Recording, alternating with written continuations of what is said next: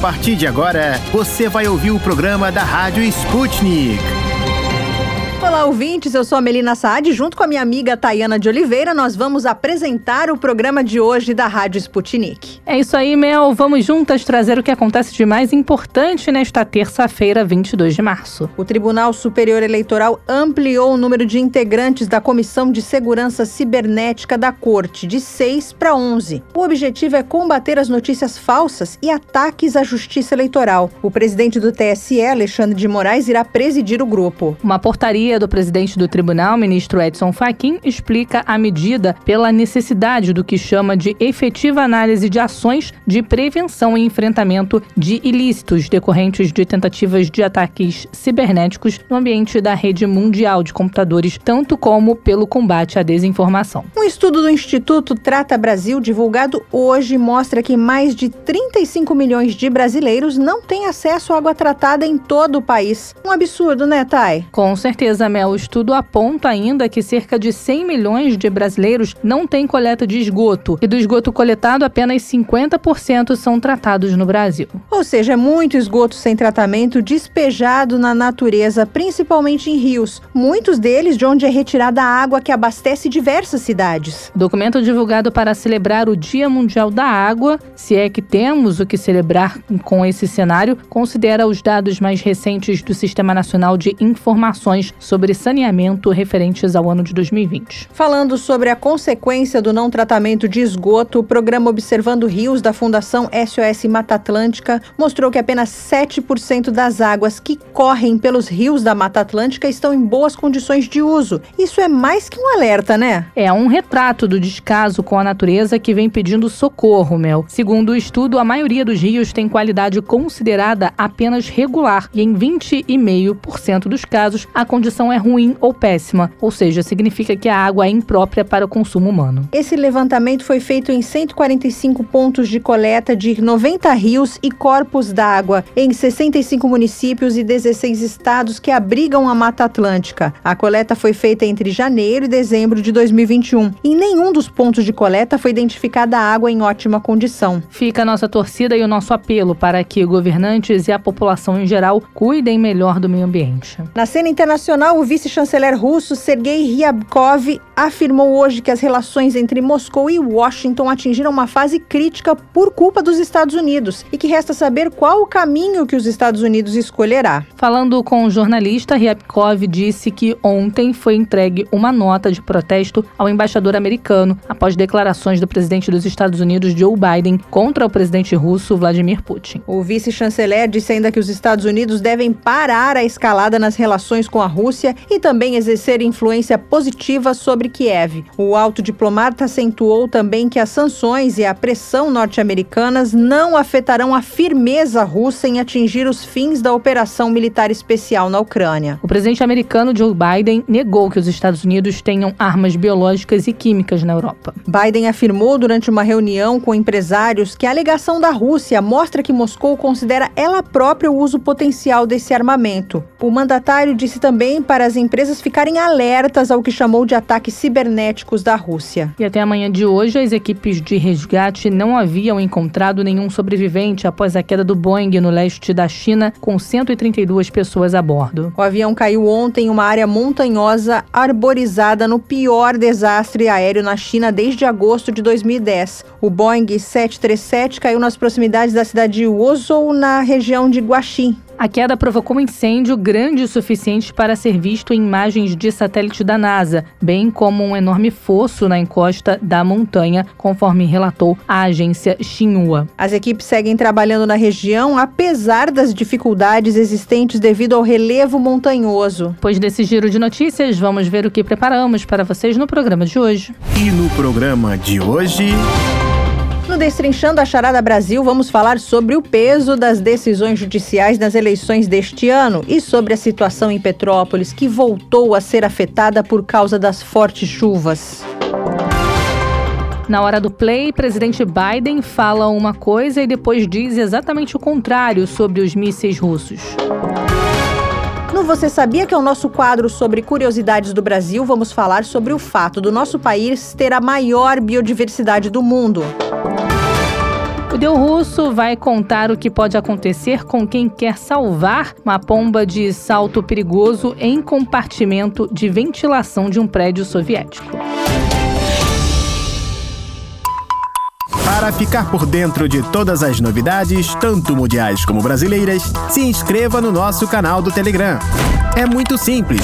É só você escrever Sputnik Brasil na busca do Telegram e se inscrever para receber as notificações. Destrinchando a charada. De dentro e fora do Brasil. Política, economia, sociedade e tudo que engloba o maior país da América Latina.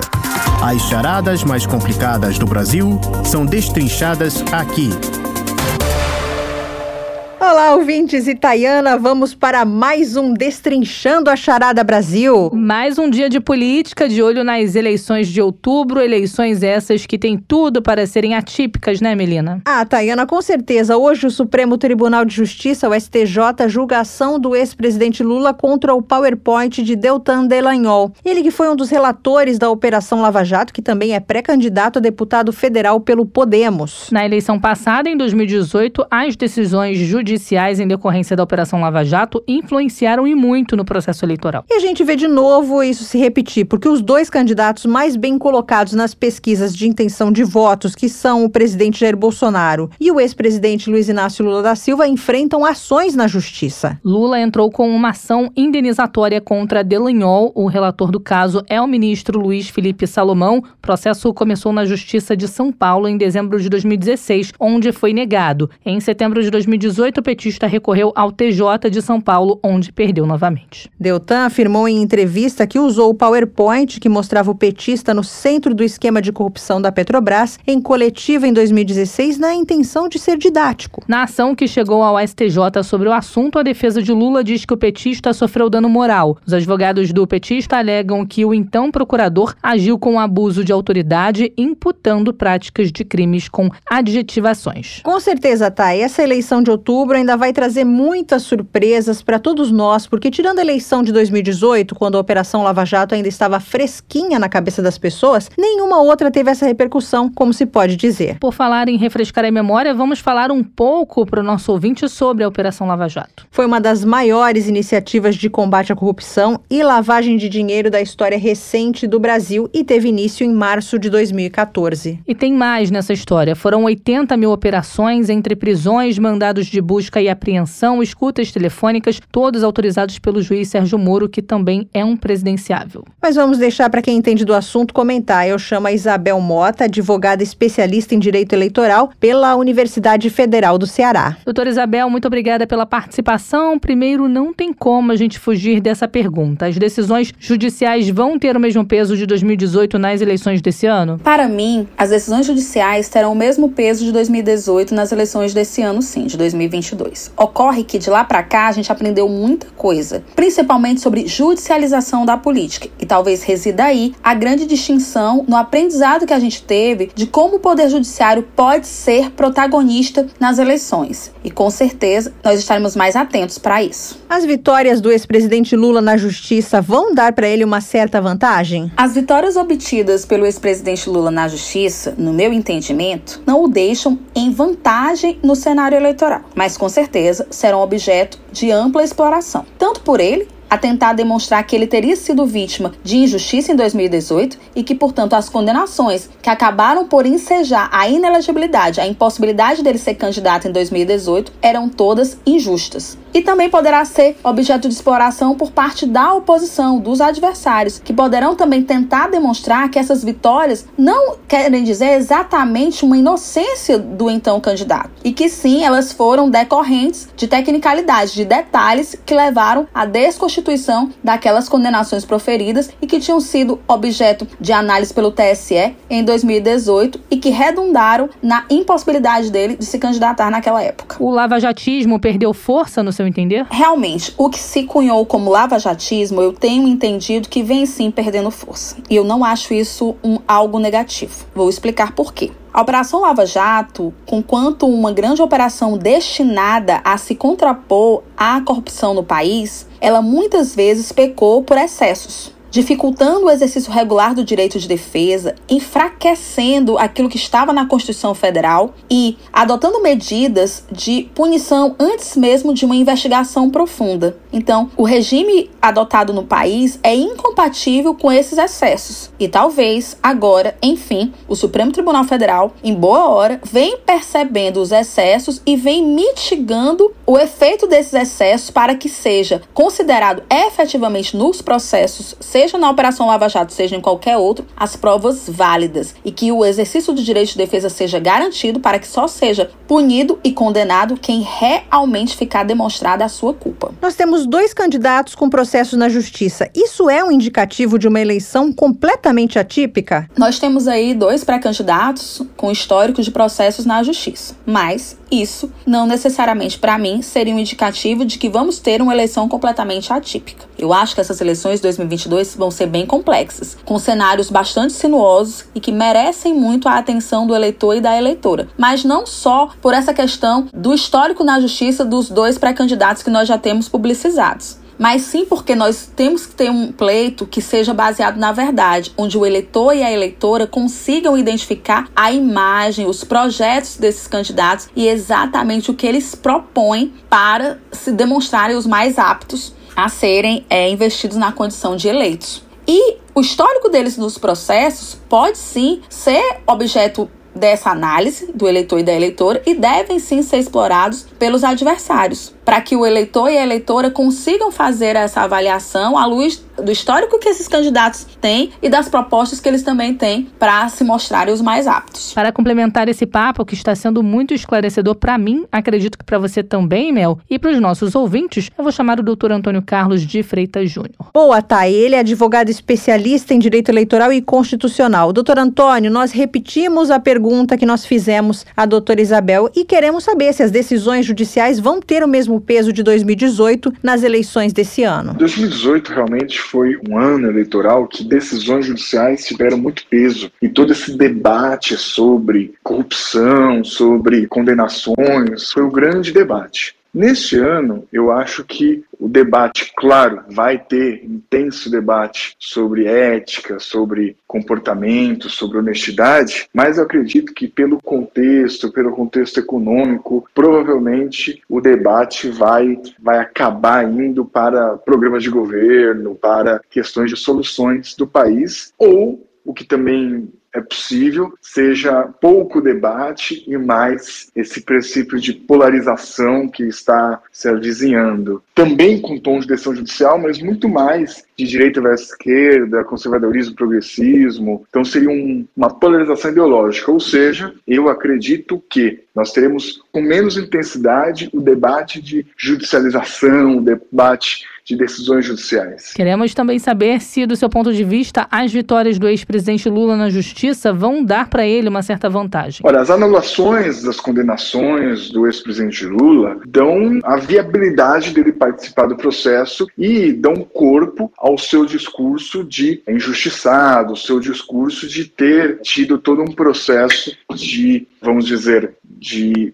judicialização, mas muito mais como vítima, né? O seu processo de discurso de vítima de uma orquestração jurídico-política. Então, dar discurso ao presidente, eu não diria que isso é uma vantagem, mas eu diria que ele tem um discurso mais sólido para participar do processo eleitoral com competitividade. O que antes ele tinha menor competitividade, isso deu um discurso que lhe coloca com competitividade eleitoral, mas eu não acredito que isso seja uma vantagem. Eu acredito que há muito muito debate, há muita água debaixo dessa ponte, há muito debate para a gente aferir isso. Doutor Antônio, o brasileiro esqueceu a Lava Jato? Olha, o lavajatismo, enquanto movimento, vamos dizer assim, jurídico e cultural e até político ideológico, ele perdeu força sim. Aquele justicialismo próprio do lavajatismo perdeu força. Mas, se a gente for entender o lavajatismo como um exemplo um, do grande fenômeno, do grande corpo ideológico jurídico de punitivismo contra o garantismo, você teve o punitivismo com a Lava Jato, teve uma ida né, dos tribunais mais para o garantismo, mas hoje você tem decisões recentes até do Supremo Tribunal Federal retomando uma linha punitivista. Eu posso exemplificar como a decisão pela legalidade, intercepção, interceptação telefônica prorrogadas desde que justificadas, ou até mesmo a não decretação no caso de prisão cautelar, quando você passa dos 90 dias, a não revogação automática. Então, é uma tendência punitivista, de um retorno punitivista, mas ainda com uma prevalência pós-Lava Jato, de um garantismo, com diminuição desse movimento justicialista para mais garantista, mais preocupado com as garantias e as liberdades públicas, as garantias de direitos fundamentais. Mas não é que você tenha um domínio desta visão garantista. Pelo contrário, você tem aí decisões que também, como eu acabei de citar, recentíssimas, das últimas duas semanas, o STF, às vezes, em algumas medidas, tem tido ainda posicionamentos punitivistas, de modo que eu não posso dizer que o garantismo está em evidência completa, você ainda tem decisões para lá ou para cá, mas é certo que aquele lavajatismo exacerbado, com punitivismo exacerbado e esse judicialismo perdeu força, mas não está sem completa força, se vocês conseguem me compreender. Não é que está ausente esta tendência jurídica, não, ainda tem a sua força, mas não como foi no auge da Operação Lava Jato. Nós temos dois candidatos com processos na Justiça. Isso é um indicativo de uma eleição completamente atípica? É uma eleição diferente. É uma eleição com candidatos com processos na Justiça, é uma eleição com candidatos que são muito fortes, com uma polaridade muito forte também, com uma, uma polaridade até virulenta, até colérica, então com grupos de apoiadores de performance colérica, de posicionamentos contundentes que podem aí, e é diferente, com as redes sociais cada vez mais fortes, uma preocupação social até das mídias e do judiciário de conter as chamadas fake news, de se preocupar com a qualidade da informação no âmbito eleitoral. É sim uma eleição atípica, uma eleição que a gente vai compreender como que está o estágio atual nessas turbulências recentes que nós tivemos pós eleição de 18, como que os atores políticos vão se comportar, como o judiciário eleitoral, como a justiça eleitoral vai se comportar. É uma eleição, sim, que nós vamos compreender esse fenômeno de processos, de fake news, de informação, de liberdade de informação, de alerta quanto à qualidade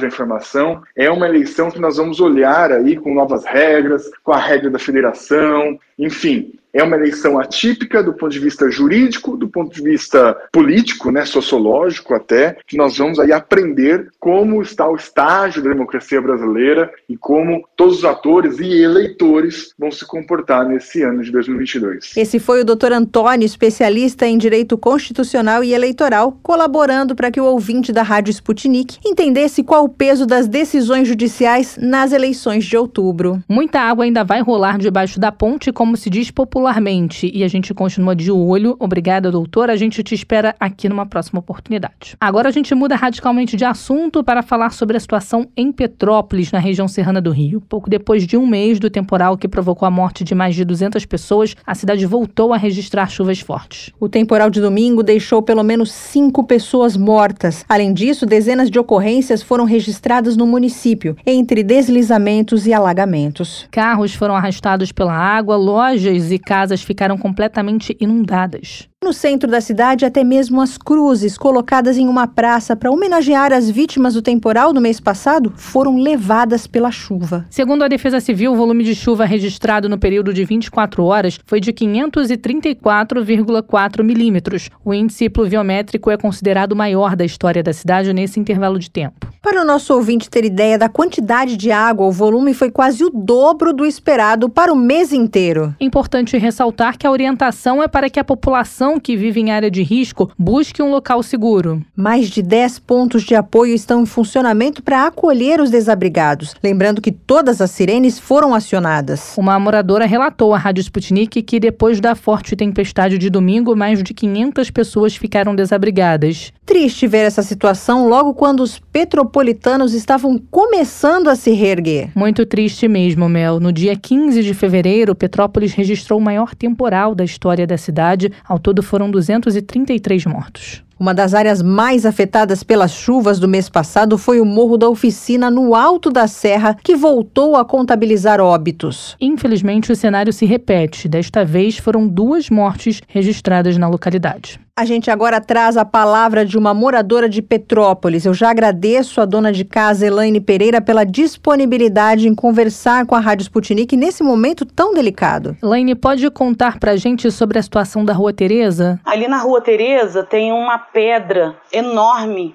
está sendo monitorada. Mencionaram a sirene duas vezes que ela pode correr o risco de desabar, né? Aí já era. Aí acaba com a rua Tereza. Aí estão pedindo as pessoas para desocuparem as casas. O negócio tá tenso aqui em Petrópolis. Elaine, muito obrigada pela atenção com a Rádio Sputnik. Só contextualizando para quem não conhece, a Rua Tereza é um ponto famoso no centro de Petrópolis. É uma via turística que abriga diversas lojas de vestuário. Outra moradora de Petrópolis fez um desabafo aqui pra gente. É a costureira Daniele Santos, que com a chuva perdeu tudo. Eu perdi minha casa duas vezes, né? Eu perdi ela no Bingen, mas lá é, eu não perdi minhas coisas, nada. Perdi a casa porque ela foi interditada, mas eu já estava morando no Alto da Serra, teria um ano. E ali eu perdi a casa totalmente, que não era minha casa, era alugada, entendeu? Mas ali eu perdi tudo tudo que eu consegui conquistar ao longo dessa caminhada, de tentar uma vida nova em outro bairro e perdi tudo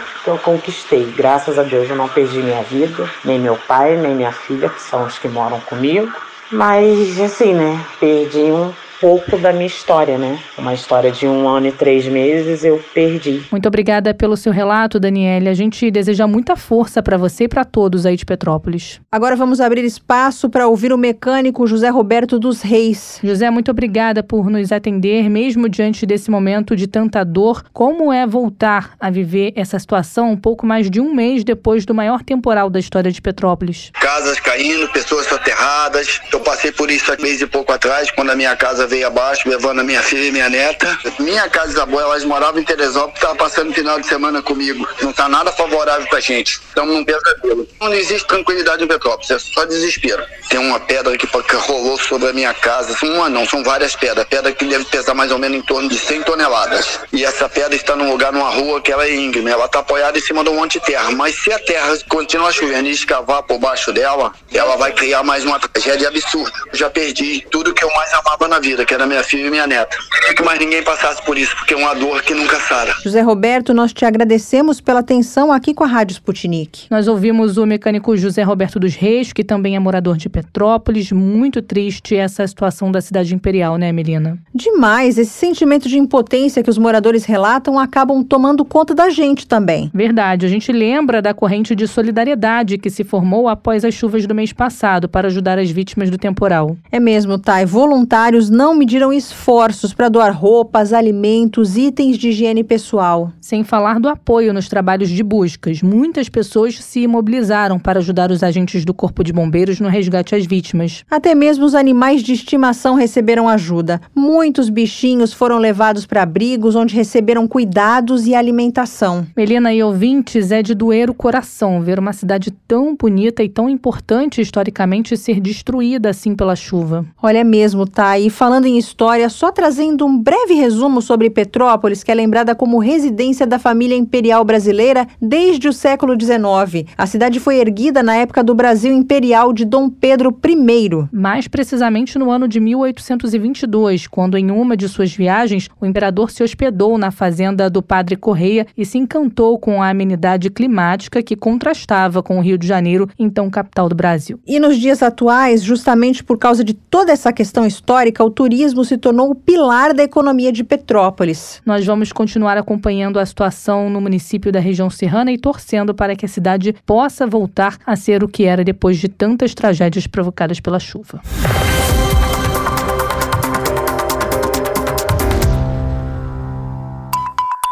Para ficar por dentro de todas as novidades, tanto mundiais como brasileiras, se inscreva no nosso canal do Telegram. É muito simples. É só você escrever Sputnik Brasil na busca do Telegram e se inscrever para receber as notificações. Tem alguma dúvida ou comentário sobre a Rádio Sputnik? Você pode entrar em contato com a gente através do e-mail radio.br@sputniknews.com Hora do Play. Curtidas e mais curtidas da Rússia ao Brasil. Confira com a gente os vídeos da Sputnik Brasil que estão bombando na internet. E fique por dentro do que está sendo filmado por amadores e profissionais pelo mundo. Agora, um dos momentos mais esperados. A gente fica sabendo quais são os vídeos mais curtidos e os mais vistos nesta terça-feira. Eu convido meu amigo Tito da Silva para falar com a gente lá da Sputnik em Moscou. O que, é que você manda, Tito? Olá, queridos ouvintes da Rádio Sputnik. Eu sou o Tito da Silva e trago para vocês os vídeos da Hora do Play. No primeiro vídeo de hoje, o presidente dos Estados Unidos, Joe Biden, em discurso feito na segunda-feira, 21 de março, tentou desdenhar dos mísseis hipersônicos russos utilizados por Moscou em sua operação militar na Ucrânia. Na fala, Biden afirmou que tais mísseis são como qualquer outro míssil. Apesar disso, o chefe de Estado acabou reconhecendo a principal vantagem de tais mísseis, ou seja, que é praticamente impossível os deter. A fala de Biden você encontra na plataforma de vídeo Odyssey digitando o título do vídeo. Biden tenta menosprezar mísseis russos, mas acaba dizendo que é quase impossível os deter.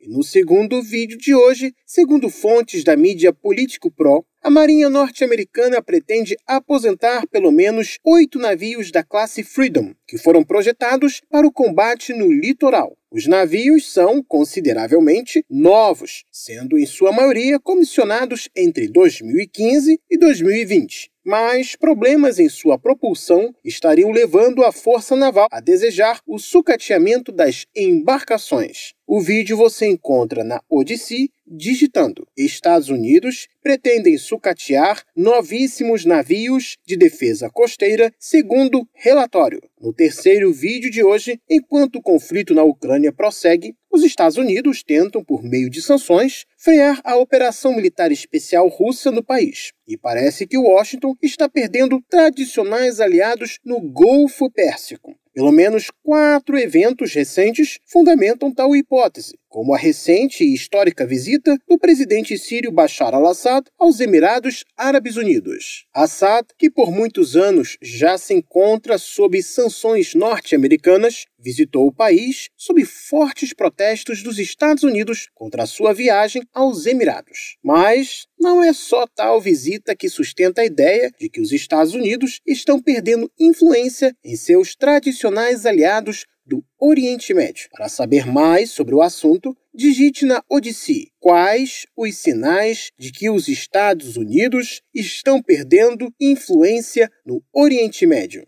No quarto vídeo de hoje, enquanto o Irã está à beira de chegar a um acordo com países ocidentais sobre seu poder nuclear, o país persa vive sob duras sanções. Mas, de acordo com um relatório do Wall Street Journal, o Irã criou um sistema bancário financeiro clandestino que o ajudou a superar os efeitos das sanções e trouxe-lhe crescimento econômico. Mais detalhes você ouve assistindo ao vídeo na Odyssey. Digite lá como o Irã teria criado sistema financeiro sem precedentes para burlar sanções dos Estados Unidos. E por hoje é tudo, pessoal. Até mais. Tá, e quanto à fala do presidente Biden, eu vou usar uma expressão antiga, minha avó costumava falar. Eu não sei se você já ouviu. Quem desdenha quer comprar. Já sim, Melina. O presidente Biden não foi realmente muito consistente no que ele quis dizer. Disse e depois desdisse. Aí fica complicado de captar a mensagem. Não é tão potente assim, mas é impossível parar. Bom, é isso, né, gente? Até quarta-feira, com essa dúvida que paira no ar depois da declaração de Joe Biden. Até lá.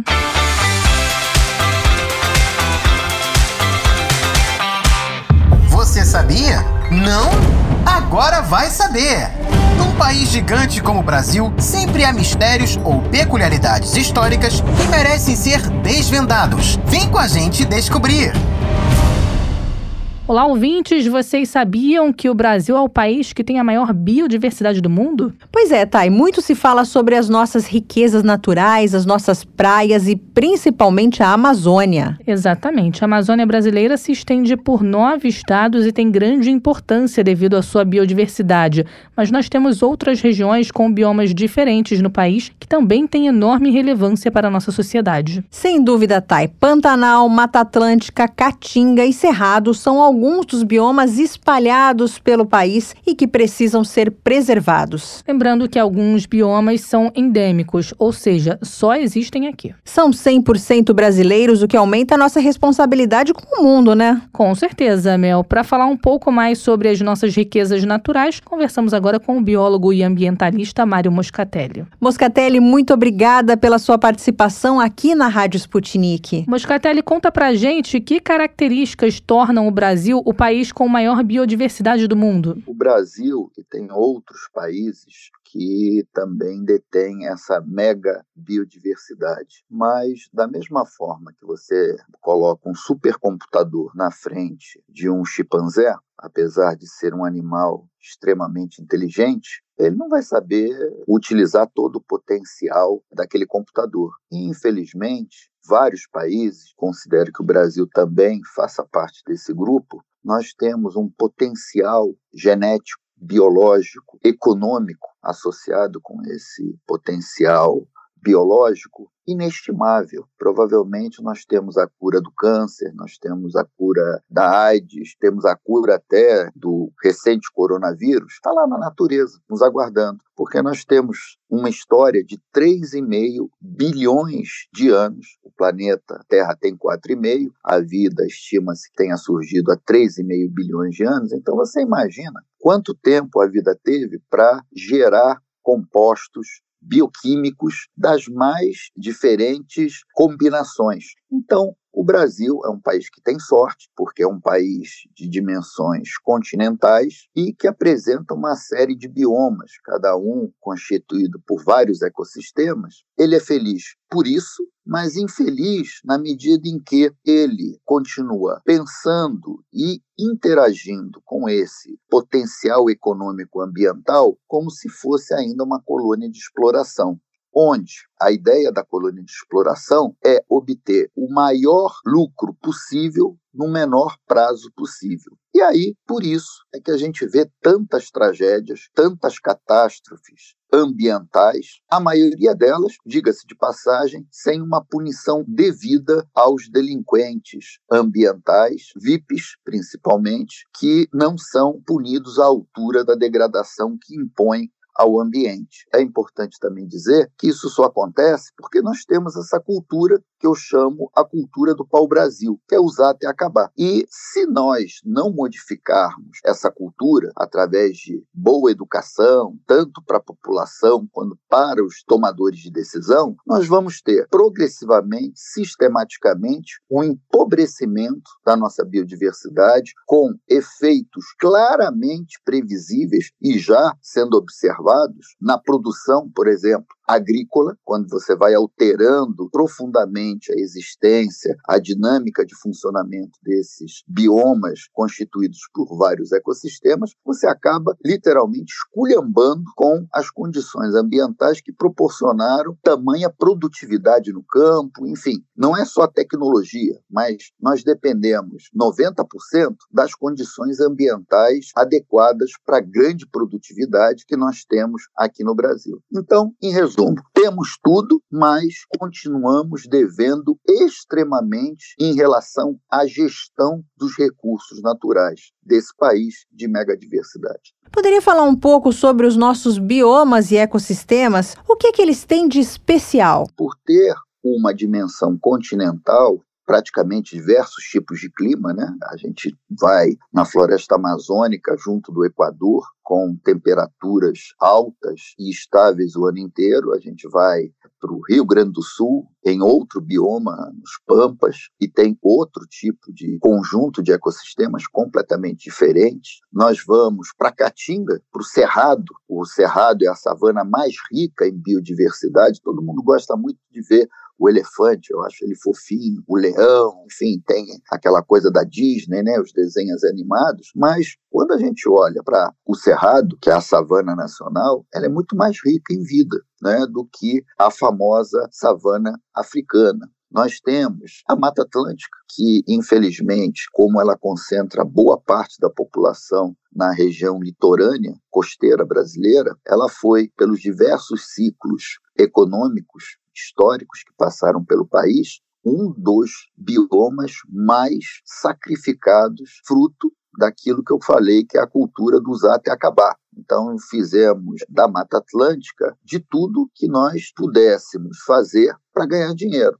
tiramos o pau-brasil, depois arrancamos a mata para colocar café, enfim, teve o ciclo da cana-de-açúcar nas baixadas, enfim, fizemos de tudo e reduzimos a Mata Atlântica, que é um dos biomas com mais endemismos, ou seja, espécies, animais e vegetais restritas a determinadas pequenas áreas desse bioma, implementamos um verdadeiro processo de extinção em massa, transformando essa grande massa verde litorânea em fragmentos. Então, Aí você tem o Pantanal, a maior área alagada do planeta, ou seja, o país, o Brasil, é um país de biomas significativamente gigantes. Boa parte do equilíbrio climático do processo pluviométrico do país está associado com os famosos rios voadores, né? que é a questão da evapotranspiração da floresta, que joga vapor de água e essa água vem através da atmosfera aqui para a região sudeste,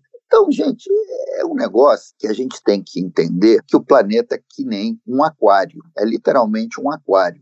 E aquilo que a gente faz aqui nos biomas nacionais, eu, eu, sinceramente não gosto muito dessa territorialidade, porque o que a China pode fazer lá no território dela afeta o planeta como um todo. O que nós fazemos com a Amazônia, com a Mata Atlântica, afeta o planeta como um todo.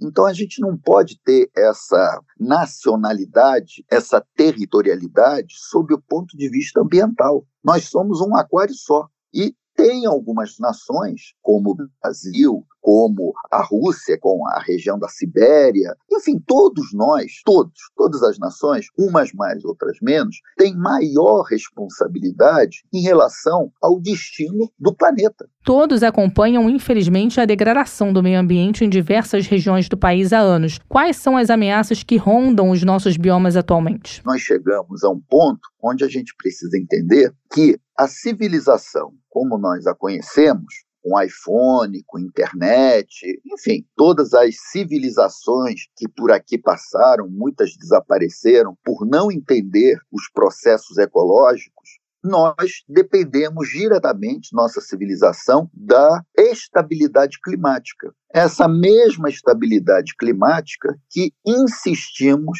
sistematicamente por causa de uma miopia econômica, de um crescimento sem limites, de onde nós impactamos diretamente essa estabilidade e que coloca em risco a nossa existência enquanto civilização. Ah, mas não vai acabar. Olha só, eu acho que provavelmente o pessoal lá da Ilha de Páscoa também pensava dessa forma e deu no que deu. Os maias parece que também, né, uma importante civilização, né, cultura que habitou por aqui, também tinha uma tecnologia na época muito avançada e não entendendo os processos ecológicos, também desapareceu. Então você veja bem, a nossa responsabilidade é tanto individual, coletiva e política. E quando eu falo política, é que de quatro em quatro anos, nas nações democráticas, nós temos a possibilidade de colocar pessoas no legislativo e no executivo que tenham essa compreensão da importância ambiental das nossas decisões.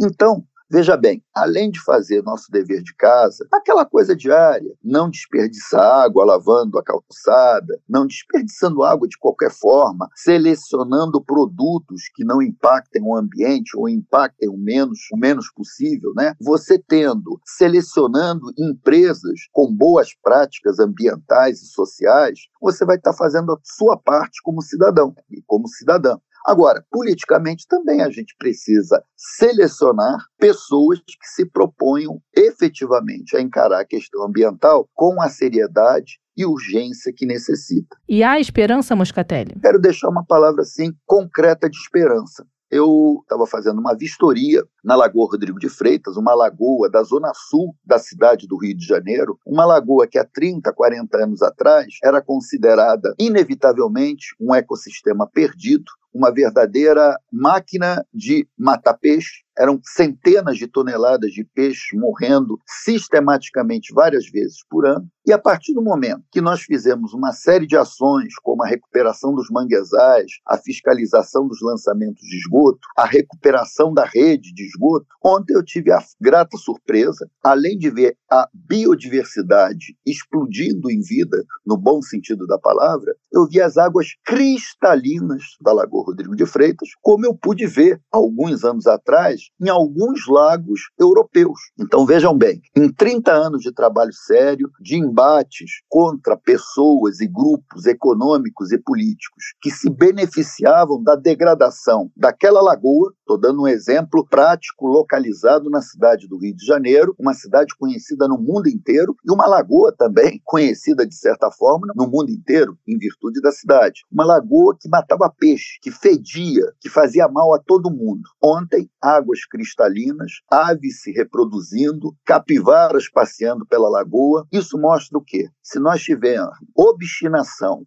coragem e soubermos fazer a recuperação, e veja bem, nós estamos na década mundial da restauração de ecossistemas. Eu, felizmente, devido à minha mediunidade ambiental, eu antecipei essa década para 30 anos atrás. E 32 anos passados, nós temos hoje uma lagoa Rodrigo de Freitas, um patrimônio da cidade turística do Rio de Janeiro, em pleno processo de recuperação. Da mesma forma que a lagoa, nós poderemos fazer com nossas baías, com nossos rios, com nossas florestas. Precisamos ter coragem, obstinação e entender que a natureza ela não se protege, ela se vinga. Moscatelli, como você avalia o tratamento dado pelos governos e pela sociedade à preservação do meio ambiente? Já foi muito pior. E vou te dar um exemplo pessoal. Eu, em 1989, um biólogo jovem, trabalhei dois anos e meio na Prefeitura Municipal de Angra dos Reis, que é um município no sul do estado do Rio de Janeiro, um município famoso pelas suas ilhas,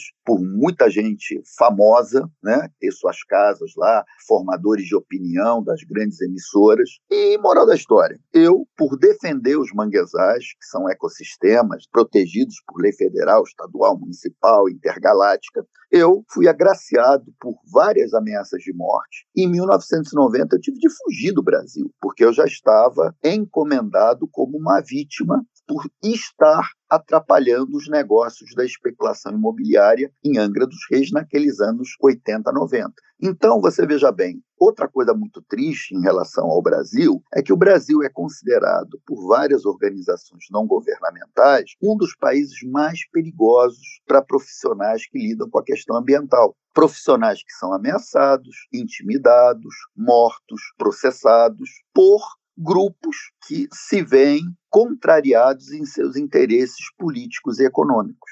Então, se fala muito de meio ambiente, se fala muito cada vez mais. Eu acho que se fala pouco em comparação com a urgência na qual nós estamos nos atolando nessa questão ambiental. Temos avanços, mas eu sou ainda exigente nesses avanços, porque o que manda e vai mandar praticamente por toda a história da humanidade é a prima rica da ecologia, que é a economia. Só que você não administra a casa, a casa é o eco sem você conhecer a casa, que é a ecologia. Então, fica muito claro para mim que, primeiro, se fala muito, e se faz efetivamente pouco. Aliás, inclusive essa minha posição é compartilhada pela rainha da Inglaterra. Ela mesma falou alguns meses atrás que nesses encontros, né, que acontecem periodicamente sobre o meio ambiente, a turma fala demais, mas faz pouco. Então, você veja bem, temos obrigatoriamente de incorporar comportamentos cada vez mais ambientalmente sustentáveis e não aguardar que a próxima geração, porque esse negócio da próxima geração eu já ouço há 30 anos. Quer dizer, a atual geração está fazendo as besteiras, ou está continuando a fazer as besteiras, ela não assume a responsabilidade do enfrentamento para com os degradadores, né, para dar limites a esses degradadores e transfere a responsabilidade para a próxima geração. Pô, essa história eu já estou ouvindo já há algum tempo.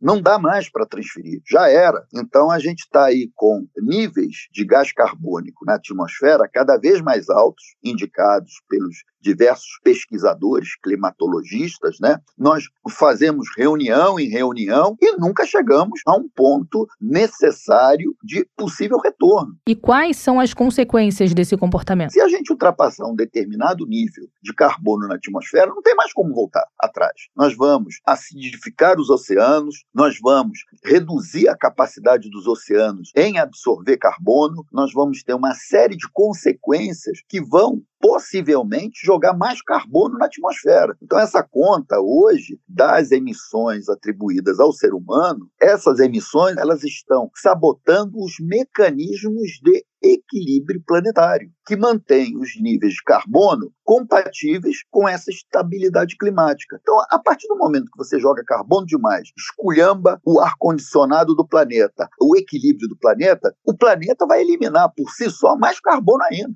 Veja bem que uma situação dramática desse tipo a gente vê no planeta Vênus, que é um planeta mais próximo do que Marte, é um planeta praticamente do tamanho da Terra e é um verdadeiro inferno. Lá chove ácido sulfúrico, tem uma pressão monstruosa, temperaturas que derretem o chumbo por um efeito estufa monstruoso. É claro que para a gente produzir esse efeito não é de uma hora para outra e provavelmente nós não chegaremos a esse extremo, mas poderemos chegar a um ponto de eliminarmos essa maravilhosa biodiversidade que nós recebemos nesse processo de 3,5 bilhões de anos de evolução. Portanto, nós temos responsabilidades individuais, coletivas e políticas.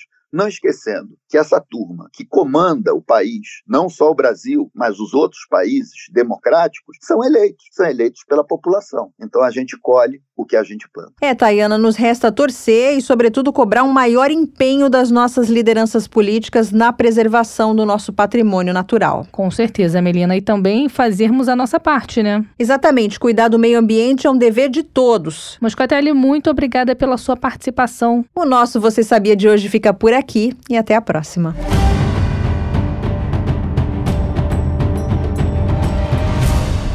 Olá, ouvintes! No Você Sabia de hoje vamos falar sobre mais uma curiosidade da história do Brasil. Você conhece a cidade de São Vicente, Thay? Sinceramente, não, Mel. Eu nunca fui até São Vicente. Onde fica? Fica em São Paulo e tem uma super importância histórica. São Vicente é considerada a primeira cidade do Brasil. E é pouco mencionada nas escolas, né, Mel? Sim, muito se fala sobre as grandes capitais, Salvador e Rio de Janeiro, durante o nosso período colonial, mas pouco se comenta sobre São Vicente Vicente mesmo. E para conhecer um pouco mais sobre a cidade de São Vicente, vamos conversar agora com o historiador Milton Teixeira. Milton, muito obrigada pela sua participação e para começar, conta pra gente por que São Vicente é considerada a primeira cidade do Brasil. Bom, é, realmente ela foi o primeiro grupamento.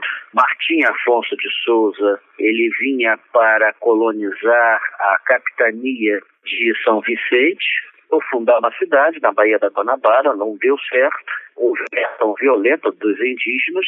Indo mais adiante, já no território paulista, ele encontrou uma aldeia onde viviam já vários portugueses. E o que é melhor, o que interessava mais ele, com rotas de penetração para o interior, as famosas peabirus, como eram conhecidas. As rotas de penetração foi criou esperança de chegar às riquezas do Império Inca e de outras regiões auríferas.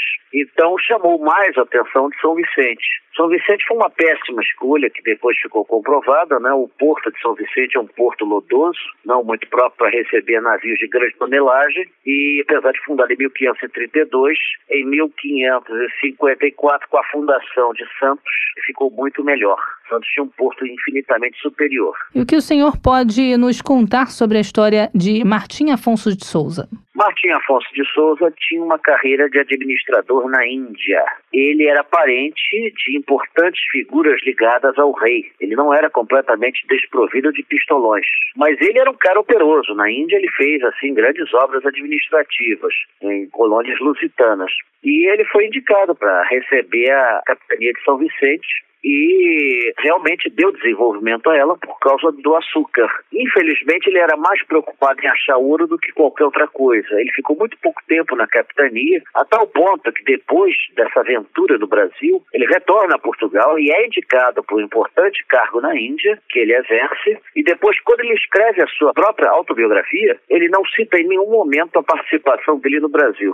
Quais eram as características da cidade na época? Era uma aldeia indígena onde já viviam vários portugueses degredados, sobreviventes de naufrágios e etc. Então já havia uma ligação com os índios e que facilitava muito o comércio, a integração. Infelizmente, o porto de São Vicente era um porto lodoso e não se prestava ao calado das caravelas e naus da época. Elas eram obrigadas a ancorar muito longe. Posteriormente, Santos revelou-se bem mais eficiente. São Vicente existe até hoje. Você tem lá o núcleo original da cidade, um pequeno núcleo antigo, mas o Brasil só vai começar realmente a mudar com a fundação de Salvador em 1549. Aí sim, com a criação do governo geral, você vai ter a primeira metrópole mente lusitano nas Américas. Professor, pouco se fala sobre a cidade de São Vicente quando comparamos a Salvador e Rio de Janeiro no período colonial. A primeira cidade do Brasil chegou a ter uma grande importância nesse período? Não, foi importante a aldeia de São Vicente porque dali se permitiu a ocupação de outros pontos de São Paulo e a implantação da cana-de-açúcar. Realmente isso foi a porta de entrada para muita coisa que ajudou a capitania a se erguer economicamente. Agora, o Brasil dá um salto qualitativo com a Fundação de Salvador por Tomé de Souza, ele próprio tio do Martim Afonso, né? Então você vê que era a parentela toda. Tomé de Souza em 1549 e depois com as inspeções que ele fazia por todo o litoral e das, e das recomendações necessárias que ele toma para que as capitanias tivessem um desenvolvimento regular. São Vicente é considerado o local de ponto de partida dos bandeirantes que desbravavam os sertões e aumentaram o território do Brasil. Foi isso mesmo? As bandeiras vieram depois, né? Antes disso que você tinha eram expedições aventureiras, a maioria delas não retornou. O próprio Martim Afonso quase perdeu a vida e não achou nada. Aliás, ninguém naquela época achou nada de valor. A única coisa que eles achavam de valor eram os índios que eram escravizados. Professor, muito obrigada pela entrevista à Rádio Sputnik. Esperamos contar com a sua participação em outras oportunidades. O Você Sabia de hoje fica por aqui. Até a próxima.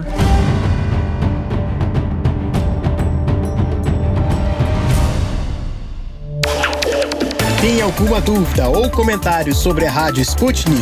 Você pode entrar em contato com a gente através do e-mail radio.br@sputniknews.com.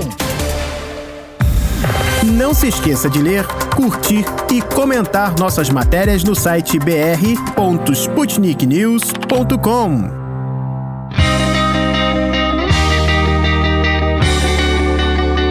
Deu Russo. De notícias bizarras do Brasil já estamos mais que saciados. E as bizarrices que acontecem na Rússia, hein? É outro nível, rapaziada. Ih, Deu Russo! O Deu Russo de hoje está cheio de histórias desencontradas, caros ouvintes, mas uma história não tem para onde correr. Literalmente. Na capital da República Russa da Chuváquia, Cheboksary, a polícia teve que resolver um pepino envolvendo um pombo um salvador da ave e um compartimento de ventilação. Pois é, ouvintes, parece ser mentira, mas não é. Então nós vamos começar do começo essa história trazendo para vocês a versão do russo envolvido. Em um prédio residencial de 10 andares, um russo acabou caindo nove andares pelo compartimento de ventilação. Segundo esse russo, a queda não foi proposital. Ele se encontrava no sótão do prédio quando viu a pomba. A pomba estava fazendo um suspense de pulo ou não pulo no compartimento de ventilação. Mas é claro, russo que estava lá no sótão, sabe-se lá fazendo o quê, decidiu salvar a pomba do destino cruel de cair no compartimento que liga todos os andares do prédio. Pois é, ouvintes, trata-se de um compartimento que liga todos os apartamentos por janelinhas, que fazem o vento circular e sair do prédio por uma coluna que vai do térreo ao último andar. E lá no último andar estavam a pomba e o russo, que quando viu a pomba piscando o olho que ia pular, decidiu ir se engatinhando para salvá-la do suicídio. Mas para surpresa do Salvador, o piso do sótão não era lá essas coisas todas e acabou cedendo com o peso dele. O que o fez cair nove andares no compartimento de ventilação. Daí vocês podem perguntar onde ficam essas janelinhas nos apartamentos russos? Bem, em cada apartamento há duas janelinhas, uma na cozinha e outra no banheiro, para levar embora o cheiro forte que fica impregnado nesses dois cômodos. Voltando para a queda do russo Salvador de Pombas. O acidente foi bem dolorido, ouvintes. Quando o russo percebeu que ia cair do sótão, tentou segurar nas bordas da parede, mas nada ajudou. Caiu com a cabeça para cima e as pernas para baixo, ainda bem. Ele foi caindo, passou pelo nono, pelo oitavo, até chegar ao primeiro andar. No primeiro andar, na tranquilidade de estar em seu apartamento, um morador que decidiu dar uma passadinha no trono do banheiro acabou tendo um susto bem grande quando ouviu o estrondo da queda. O morador ficou sem entender nada, até porque o banheiro dele sempre foi muito tranquilo e silencioso. O que será que tinha acontecido? pensou o morador do primeiro andar. Do outro lado da parede estava o salvador de pombas, que com dificuldade começou a gritar por ajuda. Me ajudem, eu estou preso aqui. Eu caí lá de cima e não consigo sair. O morador do primeiro andar não demorou muito para ligar para a polícia, pois não é todo dia que vozes soam em seu banheiro. Quando a polícia chegou e ouviu a versão do Salvador de Pombas, decidiu abrir um buraco na parede para tirá-lo de lá. E depois de resgatado, foi imediatamente levado a um hospital para tratar os ferimentos. Agora, o destino da pomba, ninguém sabe. Será que era invenção da cabeça desse russo? Será que a pomba fingiu que ia pular e acabou voando para longe do Salvador? Bem, caros ouvintes, as versões são diversas. Contem as versões de vocês no site da Sputnik Brasil, mais especificamente no link com o programa de hoje. E a gente daqui só deseja que esse russo se recupere e que pare de tentar salvar pombas em sótãos de prédios pela Rússia.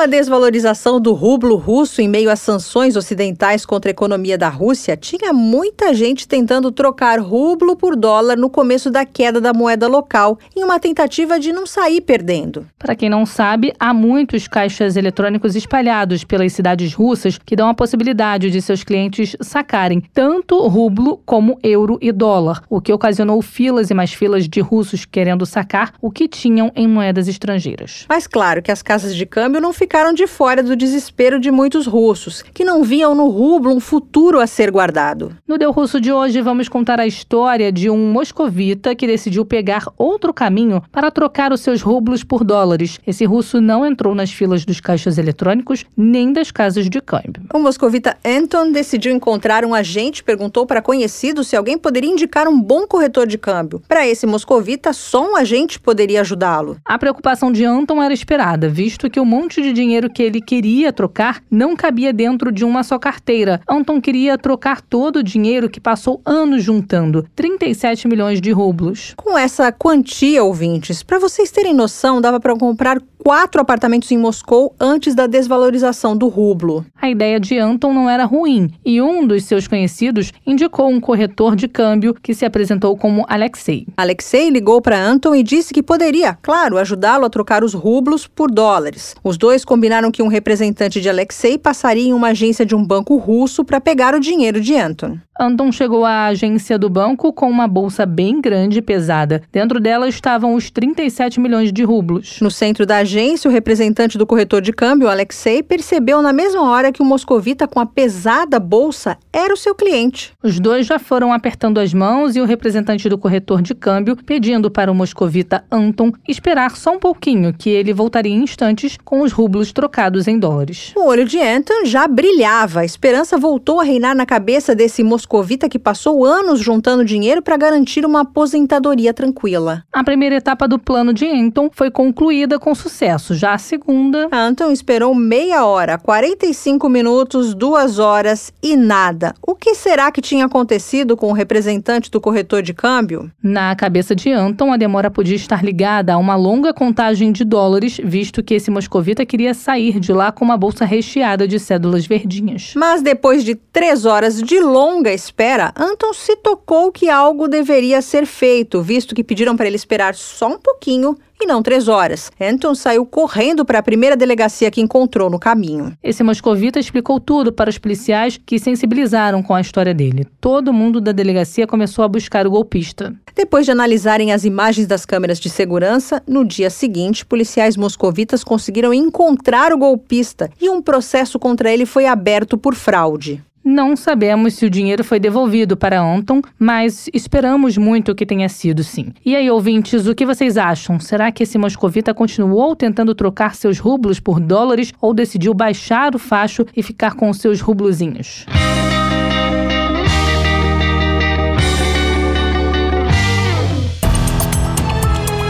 Hora de dar tchau.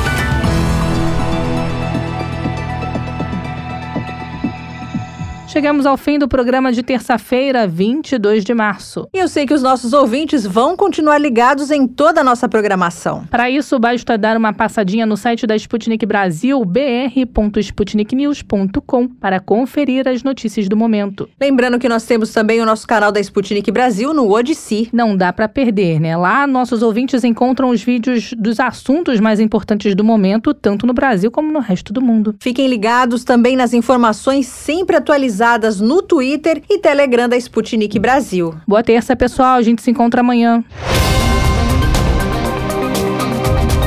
Você acabou de ouvir mais um programa da Rádio Sputnik.